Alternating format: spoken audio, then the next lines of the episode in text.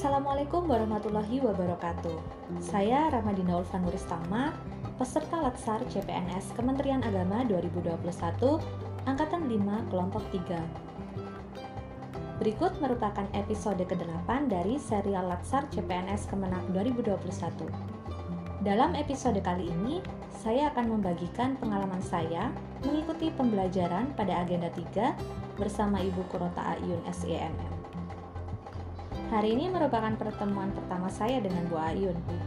Saya senang bertemu dengan beliau, walau secara virtual. Beliau sosok yang ramah dan energik. Dalam pertemuan kali ini, kami diminta memperkenalkan diri dan menyampaikan motivasi kami setelah mengikuti pelatihan dasar CPNS ini. Hal ini merujuk kepada materi yang akan kita bahas, yaitu manajemen ASN, pelayanan publik, dan whole of government. Pada hakikatnya, sebagai dosen, terlebih dosen ASN, melayani masyarakat dalam hal ini mahasiswa merupakan suatu kewajiban dan juga kehormatan, sehingga pelayanan yang diberikan harus prima.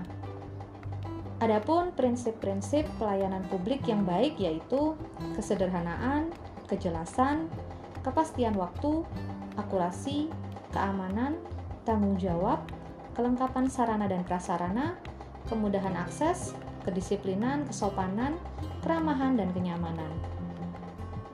E, kemudian, adapun langkah-langkah strategis yang dapat dilakukan dalam meningkatkan pelayanan publik, yaitu membangun kesadaran melayani bagi aparatur dan membangun kesadaran masyarakat sebagai konsumen dengan membuka kesempatan yang seluas-luasnya kepada masyarakat, baik langsung maupun melalui media massa untuk menyampaikan saran dan atau pengaduan mengenai pelayanan masyarakat.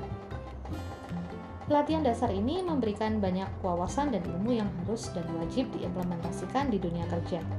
Sehingga setelah mengikuti latsar ini, harapannya semakin banyak pembaharuan yang terjadi di sektor pemerintahan atau pelayanan publik milik negara ini.